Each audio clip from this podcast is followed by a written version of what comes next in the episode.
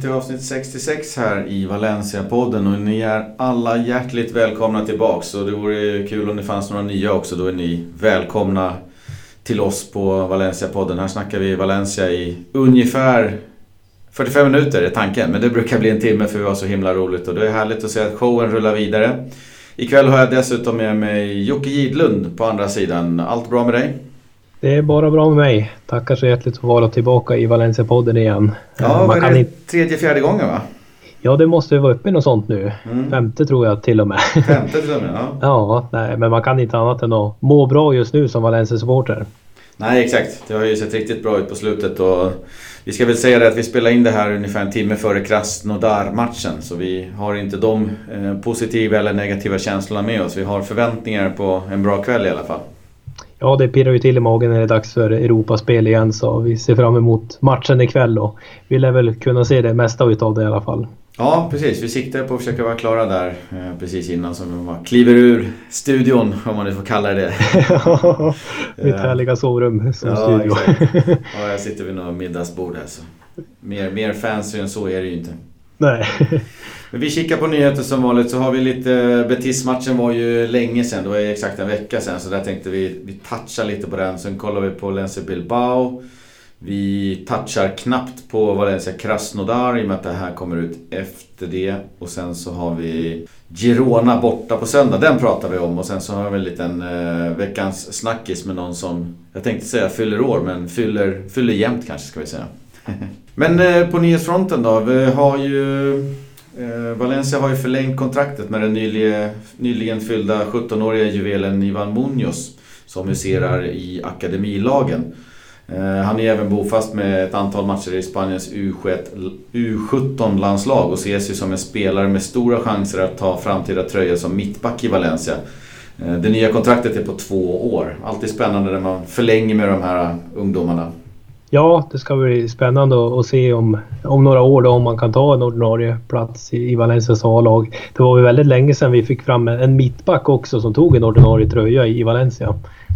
Ja, verkligen. Och den här killen ses ju som ett riktigt, riktigt stort löfte. Så vi får hoppas att han inom de närmsta åren, eh, eller ganska snart egentligen, tar steget och börjar spela med Mestajan då, då och eh, nosa lite på, på A-laget. Ja, det är ju tidigt än att säga om det blir någonting men vi håller ju tummarna för en ny Albiol. Ja, precis. Det var ju drömmen. Sen har vi som vi nämnde Peter Lim har ju landat eh, i stan för att se matchen mot Krasnodar ikväll torsdag. Han landade eh, i morse efter att ha sett eh, United vinna mot Paris under onsdagskvällen och han har ju en del kompisar där i Neville-bröderna och är det Scholes och de har väl något fotbollslag eller någonting ihop där uppe i, i, eh, i England. De har i alla fall haft lite möten idag ja, inte Neville och dem utan Peter Lim och Alemani och Anil Murti uh, har haft lite möten där framtiden har diskuterats. Och det består ju egentligen i att man funderar på hur gör vi om vi går till Champions League? Hur gör vi om vi inte går till Champions League? Vilka värvningar behövs och vart står vi sportsligt? Mycket sånt har diskuterats men även då försäljningen av den marken som uh, Valencia står på och hur eh, arbetet med det fortlöper. Där är ju Peter Lim intresserad såklart. Så att, eh, lite sånt pågår. Så får vi hoppas att han får kolla på en vinst ikväll. Då. Ja, det håller vi tummarna för. Eh, eh det var, vi får ju hoppas att det inte är något möte med, med Neville som du var inne på där. Som, Nej. som vi har. Jag tror att han stökade av det i, igår kväll efter matchen säkert i Paris-natten. Ja, men där är det är väl Salford City om jag inte minns mm. fel som han är 50% ägare Peter Lim och det är en massa gamla United-spelare också som är med i den va? Ja, det är Ryan Giggs och company som är med där på ett litet hörn också. Jag tror också att de har några hus och byggnader och någonting i samma bolag eller något liknande. Så att eh, någonting har de ju ihop och jag får en känsla av att de passar på att ses eh, varje gång Lind kommer, kommer till Europa. Då eh, kikar han på någon United-match. Ja, då sluter de samman och tar en bärs efter matchen säkert. Det lär de garanterat göra. Eh, sen kan vi ju säga också på lite positiva nyheter, om nu Peter Lim inte var det. eh, Valencia är i alla fall inne i sin bästa period under Marcelino som tränare. Det är 11 raka matcher nu. Med alla då eh, Europa League och Copa del Rey och ligan inräknat. Utan förlust. Det har blivit 6 vinster och 5 kryss. Det är inte illa. Och den här långa sviten började faktiskt med 3-0 mot Villarreal den 26 december. Och det är mycket tack vare defensiven som till och med finns någon ranking ute eh, där Valencias defensiv listas på sjunde plats i Europa med 0,8 insläppta mål per match. Ja, det, är ju en framgångsfaktor den här säsongen, Valencias defensiv som har varit extremt solid. Eh, även fast eh, ja, men mycket skador ändå på ja, men Garay och Paulista är ju borta om vartannat nu så har ju ändå ersättarna kommit in och gjort det bra. Eh, vill framförallt lyfta Daniel Wass här på senaste tiden. Mm. Den gubben är ju överallt. Oj, oj, oj. ja, det var inte länge sedan vi hade Diakabi avstängd i uh, Copa del Rey och vi hade Romcaglia avstängd i uh, Europa League va? och så hade vi Garay, drog ett lår. Så tänkte vi, har vi ens mittbackar att ställa upp med? Och ja. Roncaglia har ju också liksom studsat in från i, i min bok nästan till noll förväntningar på Karn. Har ju bara levererat rakt av och varit nästan löjligt bra. Ja, varit ruggigt bra eh, och varit med bra offensivt också tycker jag. Mm. Verkligen fått till passningsspelet som man såg att han besatt när han spelade i Celta Vigo. Mm. Det har man ju verkligen eh, sett att han har fått ordning på här i Valencia nu också den senaste tiden. Nej, så det är en fröjd att se defensiven och det har vi, det har vi varit inne på tidigare. Eh, men nu hoppas vi att den här, den här Ratchan, Buena Ratcha som, som Valencia har på 11 matcher, att den förlängs till åtminstone ska säga 15, 16 vill jag ha innan landslagsuppehållet. Ja, det håller vi tummarna för. Och apropå landslagsuppehållet då, så det smyger sig allt närmare. Runt den 20 börjar uppehållet. Eh, och Luis Enrique har ju skickat ut en förvarning till alla klubbarna om vilka 40 spelare som ingår i hans eh, planer. Det är ju för att ingen av spelarna ska planera in någon semester och sen vara otillgänglig. Då. Så att han skickar ut en, en påminnelse till klubbarna att de här 40 spelarna eh, är aktuella och sen bantas det där ner till en slutgiltig trupp som jag tänker mig ligger på kanske 20 22 personer, en bruttotrupp då. Och i den här 40-mannatruppen då, då ingår ju Rodrigo Gaya som vanligt. De har ju varit mer eller mindre bofasta där. Men Parejo hoppar tillbaks efter att ha haft sin bästa period på säsongen här nu eh, under våren. Men även eh, Santemina kliver in där och Spanien spelar ju i Sveriges grupp i EM-kvalet och möter eh, här först så möter de Norge hemma på Mestalla som en del av 100-årsfirandet där. Och sen åker man till Malta för match tre dagar senare. Vore ju kul att få med fyra Valencia-spelare. Ja, det är klart att vi håller tummarna för det, men vi ska nog inte hoppas för mycket. Nej. Men det är jätteroligt att de är uttagna i den här 40-mannatruppen i alla fall. Om jag uppfattat det hela rätt så har Luis Enrique ganska gott öga ändå till Santemina som han har varit och kollat på i eh, cup-semifinalavgörandet mot eh, Betis där.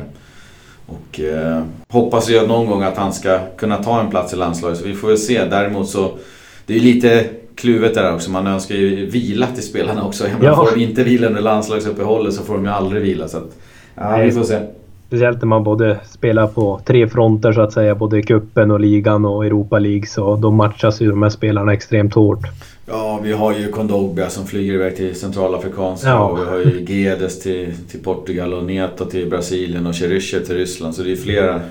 Halva laget åker iväg. Ja. Men kan Gura Svensson pendla från Seattle till Sverige på landslagssamlingarna så ska nog inte det vara något problem. Nej, exakt.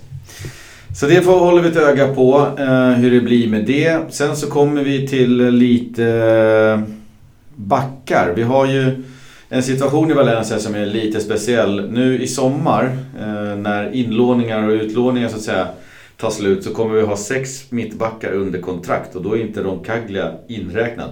För han kommer stå utan kontrakt. Han har lånekontrakt med Valencia från Celta Vigo. Eh, fram till sommaren. Eh, och sen om jag förstår det hela rätt så är han kontraktslös. Eh, och då planerar man ju nu hur man vill göra med honom då. Men utöver honom så har vi sex mittbackar. Det är ju Gabriel, Diakabi och Garay som nu huserar i A-laget. Vi har Ruben Ves och Jason Murillo som återvänder från lån. Levante respektive Barcelona. Sen så har vi då Jorge Sainz från Teneriffa som ansluter med ett nyskrivet 4,5 års kontrakt. Det är ju rätt många mittbackar. Man kan ju lätt uh, förstå att uh, Ruben Veso kommer behöva hitta en ny klubb och detsamma gäller Jason Murillo. Så egentligen så kanske vi står med fem mittbackar då. Uh, om ja. man väljer att kontraktera Roncaglia. Ja, och jag ser ju gärna om Roncaglia fortsätter så här så blir ju han en, en billig och väldigt bra komplementspelare att ha i truppen. Mm. Eh, och kanske då ja, men kunna få in lite pengar på, på Veso och Morio. Veso som fortfarande är väl relativt ung, var han 25 mm, kanske? Något sånt där. Något sånt. Ja, 94 eller något sånt där är han född. Och Morio liksom som har ett namn nu till Europa kan vi nog casha in lite granna på. Eh, blir ju extremt spännande med den här nya spelaren också, Jorge Sanz där från mm. Teneriffa. Som har mycket lovord kring honom. Målfarlig, stark och bra mittback som det tycks vara. Dock har jag ju inte sett honom spela, det ska jag vara ärlig att säga. Men eh, lovorden ser ju bra ut. Ja exakt, det är ju något hack ner i Teneriffa. Eh, något eller något hack ner från Valencia. Det är svårt att sätta exakta värden på hur, hur bra han är och hur, eh, hur väl han kommer funka i ett så pass mycket snabbare spel som, som Valencia kör än Teneriffa och där är det enklare kanske för en Roncaglia som ändå har spelat i Celta Vigo på den här nivån. Men de lovorden som finns i media och folket runt omkring som har sett honom säger att det är eh, en riktigt, riktigt bra värvning. Ja, vi ser fram emot att se vad han kan uträtta i Valencia-tröjan. Vad det gäller högerbacksplatsen då så har ju bollarna satts i rullning om uh, vi förstår media uh, i Valencia helt rätt. Uh, det är ju Pablo Longoria som tillsammans med då Alemani och Marcelino slipar sina geniknölar ihop.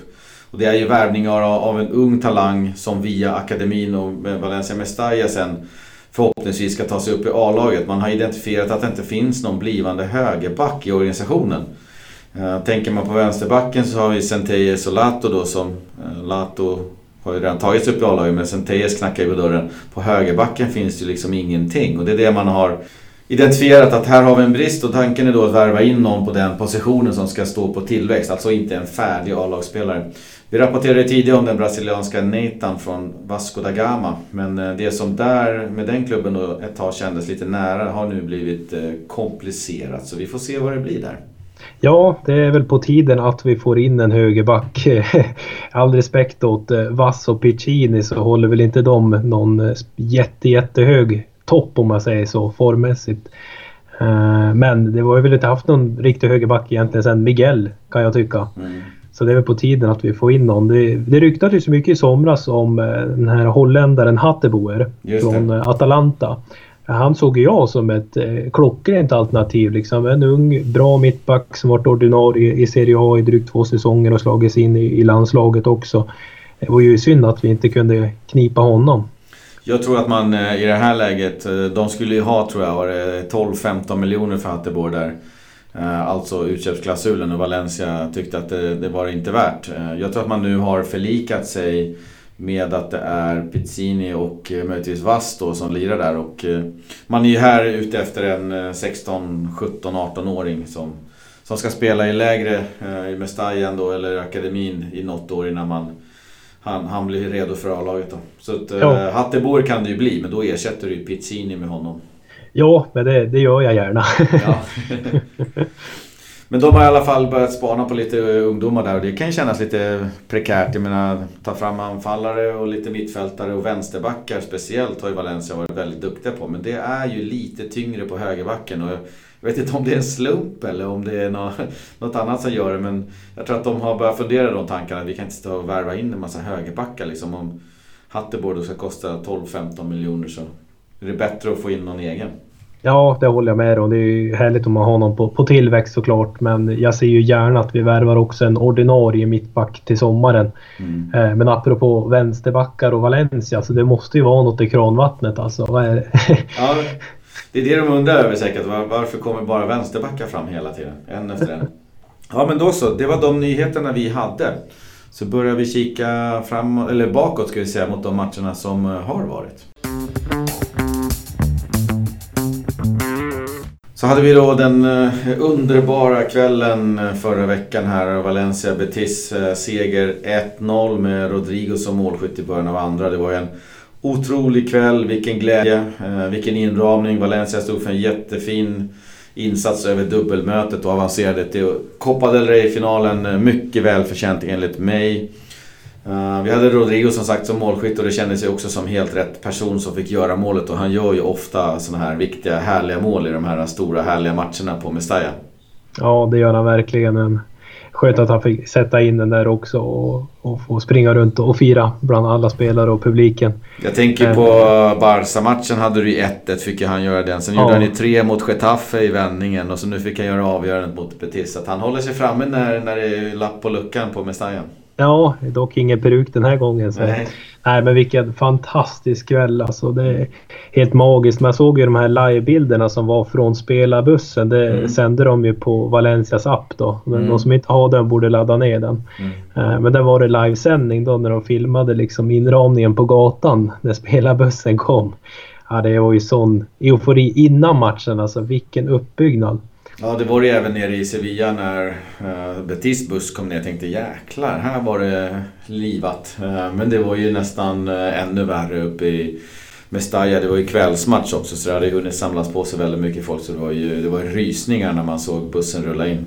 Ja, och så jag, jag, är, jag som ett fan av bengaler också mm. liksom ser den där röken bara sprida sig runt mellan alla, alla hus och hörn och, och kommer spela bussen in där. Och, sången. Nej, det är fantastiskt. Det är, det är det där vad fotboll handlar om. Ja.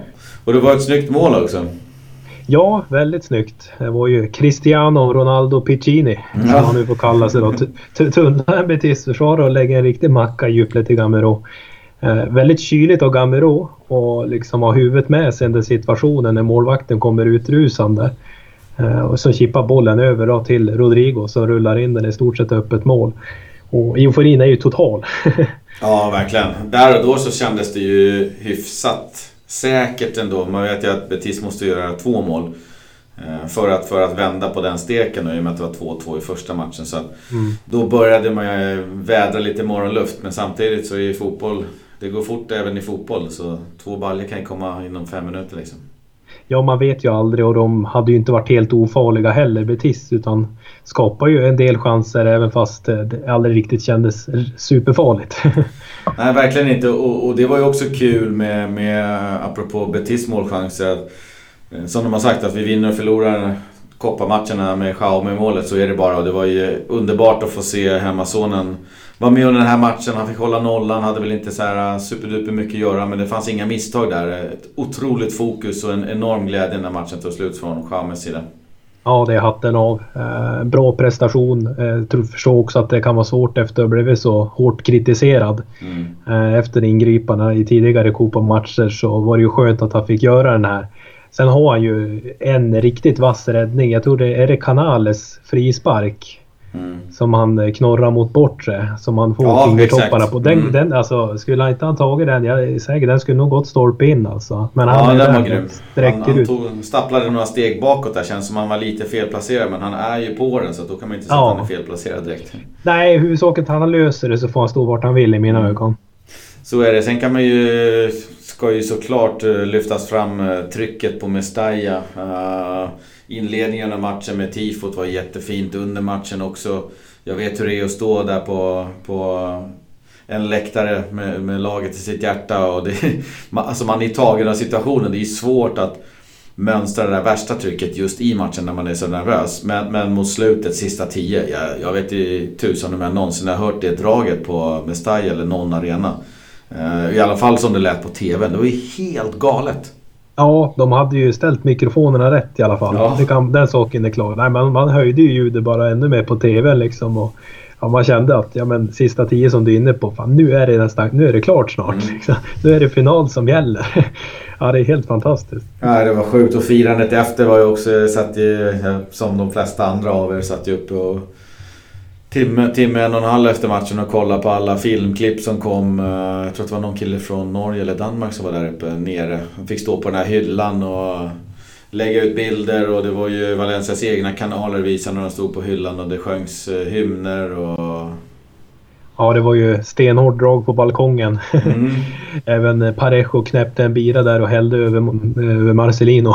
Just det. Ja, det var många som fick en liten pilsner i handen och det kan ja. vara värda. Ja, det tycker jag absolut. Nej, det var riktigt fina scener. Sen kan vi väl också eh, lyfta, eh, lyfta en liten hatt för eh, uh, Kiki Setien och uh, Betis.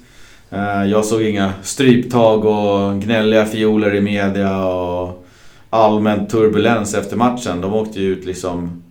Det var ju samma glädjescener på läktaren så att säga uh, som efter Getafe-matchen. Och Betis höll ryggen rak och gratulerade och gick därifrån tycker jag.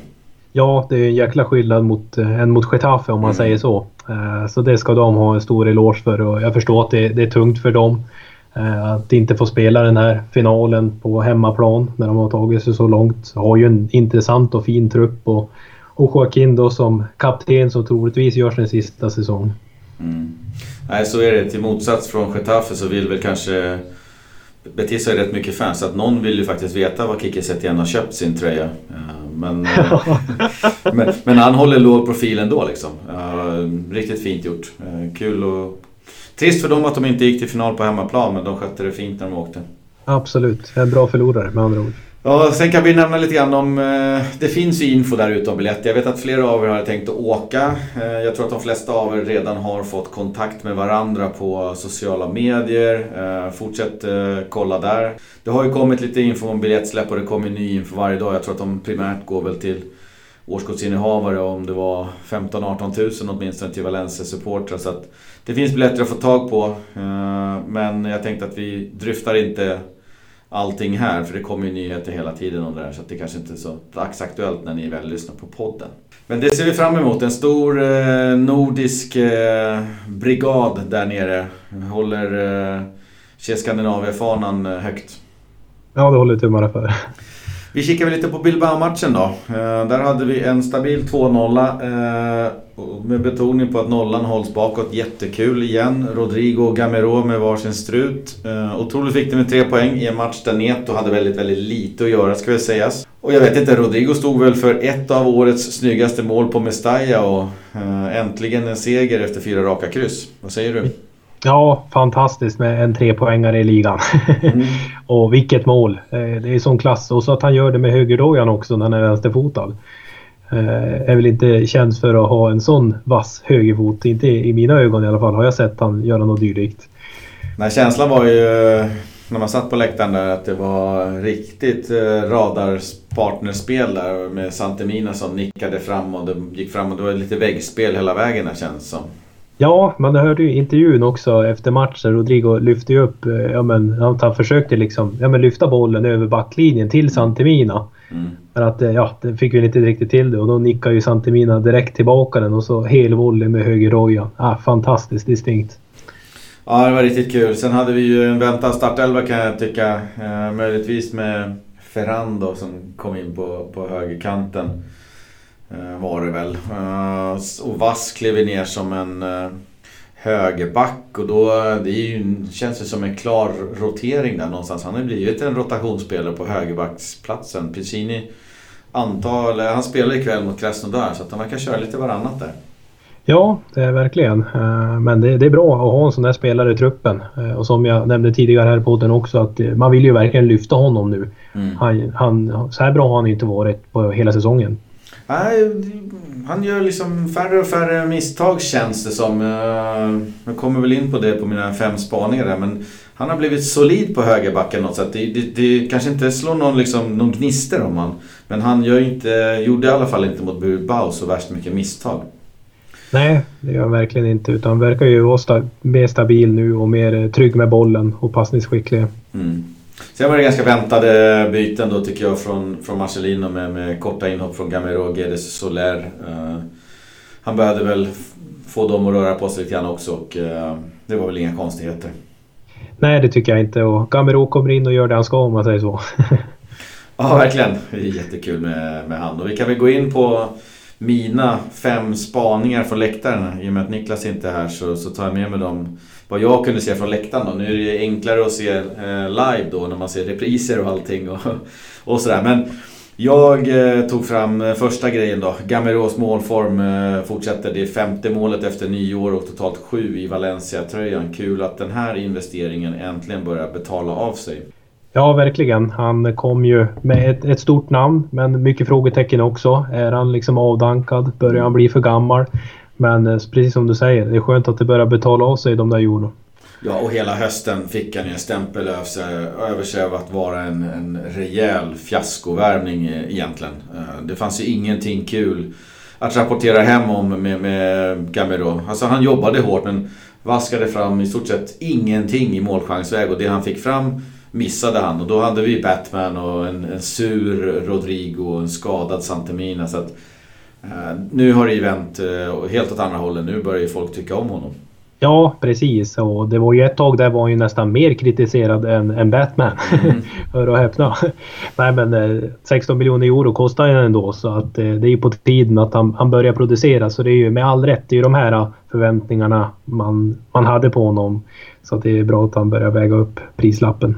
Ja, verkligen. Eh, spaning nummer två från läktaren var ju då att Vass var, var riktigt eh, solid egentligen i sin insats. Både defensivt och offensivt. Eh, som sagt, inga liksom kanske nyårsraketer kring det hela. Men vi satt ju väldigt bra till på runt mittlinjen där.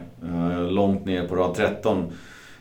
Fantastiskt att sitta sådär bland alla årskortsinnehavare. Det är väldigt mycket gamla gubbar och Valencia-konnässörer av alla sorter. Liksom. Det är väldigt mycket lokala människor där och jag kunde notera att det var liksom desto längre matchen gick så, så började folk verkligen liksom applådera och, och hylla eh, Vass insats eh, den här söndagskvällen.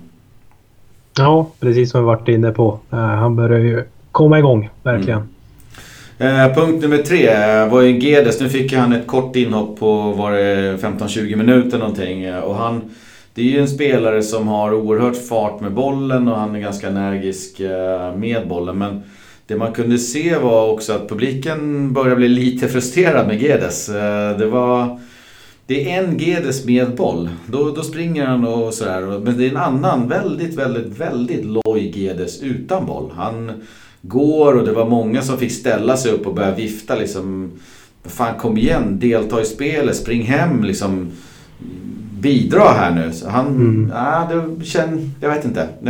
Man ser ju inte det här spelet utan boll på samma sätt när man kollar på TV. Men just när man står där så var det många som liksom släppte blicken på bollen och koncentrerade sig på Gedes med, med irritation egentligen kan man säga. Och det var väldigt förvånande.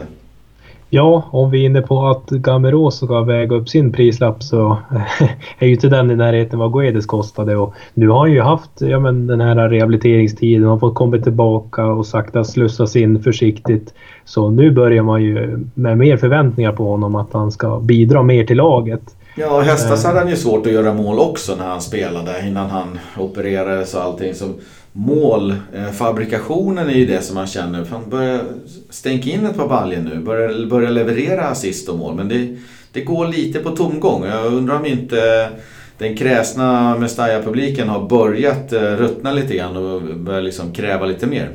Ja, det är möjligt. Eh, sen har man ju sett han också att han har kommit in mycket centralt i en forwardsroll mm. i, i ett par matcher här nu också det är möjligt att han känner sig lite vilsen där men då tror jag att Marcelino är tydlig nog veckor innan matchen nästan på hur han ska agera både med och utan boll. Eh, men det enda han fick med sig egentligen från Bilbao-matchen det var ju den här hockeyassisten till 2-0 målet. Mm. Ja, han eh, huserade ganska långt upp på planen faktiskt. Han sprang runt lite överallt och, och gick runt en hel del lite överallt. Så att, eh, ja, jag gillar fortfarande Guedes. Jag var inte en av de som ställde mig upp och skrek men det var en spaning som jag hade från läktaren i alla fall. Ja, den är absolut värd att poängtera nu mm. när han ändå är skadefri och kunna prestera på en högre nivå. Så är det. Eh, punkt nummer fyra var att det fortfarande finns ett enormt glädjerus eh, efter Copa del Rey-finalen. Ramsorna ekade både före och under matchen om att eh, vi ska till Sevilla och att Mestalla vill ha kopparna och så vidare. Så att, eh, det där glädjeruset det hängde kvar under söndagen. Eh, egentligen hela eftermiddagen och kvällen där och det var ju kul att se. Ja, det förstår jag. Eh, man hade ju önskat att man var på plats där med dig. Ja. ja. Eller allra helst mot eh, Betis hade man väl varit. Jag tänkte att den här matchen blir lite så här bakfyllan. Folk orkar inte riktigt. Det var så kul i, i torsdags. Det, det räcker så liksom. Ja, jag tror det, det är nog, firas nog en vecka i alla fall efter en sån där, eh, sån där match.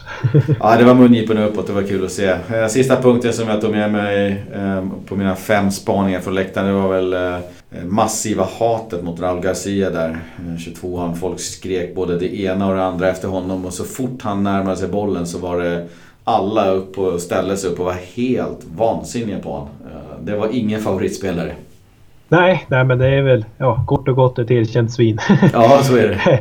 ja, men det var ju samma sak också när han lirade i Atletico tycker jag. Eh, alltid som spelförstörande, spelar väldigt destruktiv. Eh, men en sån där som man hatar att möta men älskar att ha sitt lag. Ja, han, han, redan från scratch så, så hade han ju krypit under skinnet på de här 70-åriga gubbarna som satt nedanför oss. var det fyra, fem stycken och alla runt omkring. Det, det räckte med att han försökte få till sig ett inkast genom att lyfta en, en, en arm liksom och sådär. Så att, eh, så vart helt, alla helt, helt vansinniga. Så det var påtagligt hur mycket man hatade den spelaren. Ja, det är inte så att han vinner något fair play-pris direkt i slutet av säsongen.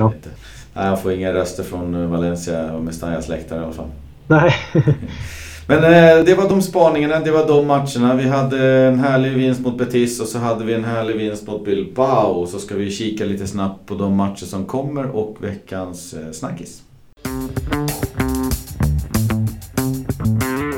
Om 20 minuter sådär så börjar ju Valencia Krasnodar första matchen av två i dubbelmötet mot den eh, ryska ligatvåan där då. Nu eh, tänkte vi inte orda så mycket mer om det, med att det såklart är viktigt med ett resultat hemma och kunna spela på det resultatet på bortaplan och så vidare. Eh, matchen är ju spelad när ni hör detta så vi släpper väl den eh, i stort sett va? Ja, det gör vi. Vi kan ju bara nämna att eh, vi är två svenskar på, på andra sidan plan i alla fall mm. med Kristoffer Olsson och eh, Claesson som startar. Hoppas de gör förbaskat bra ifrån sig i 4-0 förlusten. Ja, eller hur? Något självmål kan Något självmål kanske. Men vi kikar framåt helgen igen. Då är det match ikväll torsdag, sen är det ledigt fredag, lördag och sen så är det en drabbning uppe i Barcelona-trakten igen då mot eh, Girona. 16-15 på söndag har vi den matchen och efter tre raka hemmamatcher och fem hemmamatcher på de senaste sex matcherna så är det nu eh, slutligen dags för en bortamatch för Valencia. Det har varit mycket, mycket spel på Mestajan här. Ja, det är ju härligt att vara på hemmaplan och, och se de matcherna. Men, men, nu ska vi till, eh, till Katalonien och möta Girona. Eh, och eh, de, de vet man ju aldrig vart man har. Eh, de kan ju liksom vinna mot Real Madrid eh, borta och de kan ju förlora vilken match som helst också med, mot Huesca hemma till exempel. Så man vet ju aldrig vart man har dem. Nej, verkligen klurigt gäng uh, och, och veta precis som vad man har dem, vilken dagsform de har man känner ibland att uh, det, här, det här är beskedligt, det här ska vi kunna ta. Liksom. De ligger och sladdar där en bit ner och, och har lite problem med, med målskyttet också. Men uh, vilken given dag som helst så kan de studsa upp och vinna riktigt tuffa matcher. Ja, de har ju också en viss Christian Stuani som mm. är en pålitlig målskytt. Nu vet jag inte hur det ser ut med skador och avstängningar men är han, är han fit for fight så kommer han ju spela och det är ju alltid en, en farlig pjäs där uppe. Men eh, som sagt, man vet aldrig vart man har de här. Eh, vi förlorade ju hemmamötet mot dem med 1-0 så det är dags att ta revansch. Mm.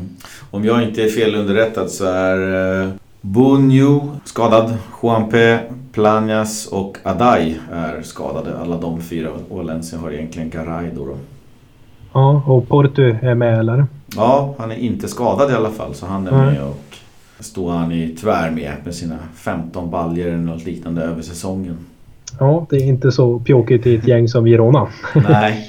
Eh, men det är såklart jätteviktigt. Det viktigaste här är ju tre poäng. Eh, nu börjar vi komma in i den delen av säsongen där det har varit eh, stenhårt matchande i en månad. Det börjar bli slitna trupper, eller i alla fall Valencia, de som är med i Europa League. Copa del Rey. Girona har ju en helt annan vardag med liksom match varje helg. Så att tre poäng är det enda som räknas. Det får se ut hur du vill. För sen är det återigen dags för Krasnodar på torsdag nästa vecka. Då är det borta i en eh, sån här make it or break it match eh, mot dem. Ja men exakt. Vi får hoppas att vi inte släpper in några mål ikväll här mot eh, Krasnodar och tar med oss ett bra utgångsläge på bortaplan. Ja. Men först som sagt ska Girona besegras och en trea inkasseras. Ja och sen kan man ju nämna också, nu är det Krasnodar ikväll så har du Girona borta på, på söndag. Sen har du ju Krasnodar borta och efter det så väntar Getafe hemma och Sevilla borta. I två oerhört viktiga matcher vad det gäller eh, Champions League-platserna då i och med att båda ligger då före Getafe på Champions League-plats och, och Sevilla femma. Eh, så att eh, ja, det är ju det är bara superviktiga matcher kvar nu. Ja, verkligen. Och precis också att vi möter Getafe som ligger fyra i dagsläget och Sevilla som ligger en poäng före oss i dagsläget. Det gör ju att de här matcherna kommer ju bli som vilken final som helst. Ja, det är de matcherna vi har egentligen eh, innan det är eh, break tror jag. Nej, Sevilla är efter breaket. Getafe hemma eh, och sen är det landslagsuppehåll och sen är det Sevilla borta. Får vi se om vi ser Santemina och Rodrigo tillsammans på topp då i landslagsuppehållet. Ja. Nej, så det blir härligt. Så att vi, vi ser fram emot eh, Girona borta på söndag. Missa inte den matchen. Visas ju på eh, Strive. Men vi ramlar väl raskt vidare in på veckans eh, snackis. Och det handlar om en eh, riktig kelgris för fansen på Mestallas branta läktare. Det är nämligen Carlos Soler. Ja, det är ju en grabb från bygden så att säga som har och tagit sig genom Mestalla, ungdomsleden och hela vägen upp till, till A-laget och, och blev en bofast spelare. Eh, och just ikväll då eh, så firar ju Soler 100 matcher med mm. Valencia mm. mot Krasnodar. Han fyller jämnt på något sätt, eller spelar jämnt. 100 eh, matcher i Valencia-tröjan när man är 22 år, det är inte illa pinkat. Verkligen inte och speciellt också när vi själva firar 100 år så att säga. Mm. Så blir det extra spännande. Ja, eh, om jag förstod det hela rätt så eh, skulle ni starta ikväll mot eh, Krasnodar. Så att eh, han har ju verkligen fått den där hundrade matchen från start också. Exakt eh, och som sagt bara 22 år gammal. Gjorde ju debut 2016 eh, mm. Eh, mot Real Sociedad. Och det var ju när Prandelli var vid rodret. Italienarna såg någonting där i Carlos Soler. Ja, verkligen. Det var ju han som tog upp honom och det får vi ju tacka italienarna för. Mm. Alldeles ödmjukt. Första målet kom ju också väldigt påpassligt för fansen mot Villarreal mm. i derbyt då, i 2-0-segern där. Ja, jag har ju alltid tjatat om att jag vill ha Carlos Solé centralt. Eh, I mina ögon har han aldrig varit en ytter, ingen högermittfältare. Utan det är ju centralt som eh, Prandelli också slussade in honom som sagt. Det var ju mm. som lite avlastning till, till eh, Parejo och Mario Suarez om jag minns rätt.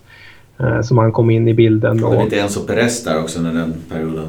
Ja, det stämmer. Det stämmer. Han var väl lite mer defensivt mm. lagd eh, skulle jag väl säga. Eh, Medan Soler fick mer den här Parejo-rollen om man säger så. Mm. Och ta sig längre fram i, banan. Vi hade ju ett annat eh, spelsystem då också under Prandellis ledning. Då var det ju ofta att vi lirade med, med en ensam striker, alltså ett 4-2-3-1 så att säga. Mm. Men han växlade ju mellan ja, men en av de två sittande mittfältarna och den offensiva då, strax bakom anfallaren. Eh, och som sagt, eh, det är, ju, det är ju fantastiskt roligt. 100 matcher i Valencia-tröjan, 22 år gammal. När vi firar 100 år också. Så det ser vi fram emot. Eh, en ljus framtid. Ja, verkligen. Det är alltid det här, vi har pratat om lite grann tidigare i podden. Ska han vara kvar i Valencia och inom situationstecken och kanske slösa bort sin talang tänkte jag säga. Men eh, att inte få spela på sin eh, plats Eh, gör ju att man kanske börjar fundera på om han kommer att nå sin fulla potential på högerkanten. Eh, en så ung spelare, eh, 21-22 år. Han är ju nyligen fyllda 22. Han, han, är, han är rätt nöjd kan jag tänka mig att ha en ordinarie tröja i Valencia så att säga.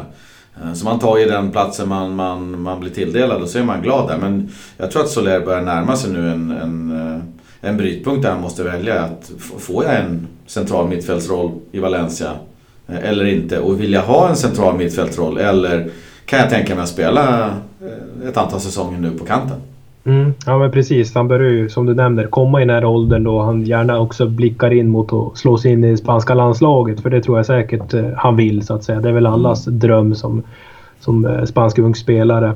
Och eh, ja, men då, han vet ju säkert själv också att han känner sig mer till rätta och kan prestera bättre i ett eh, innermittfält istället för ute på kanten.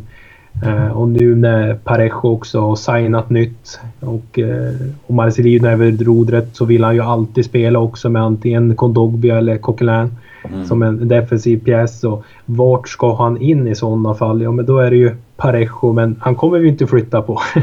Nej, det är ju egentligen om det, om det dyker upp en skada, men där har ju Marcelino visat att han kör både Coquelin och Kondogbia eh, tillsammans eh, framför en Soler.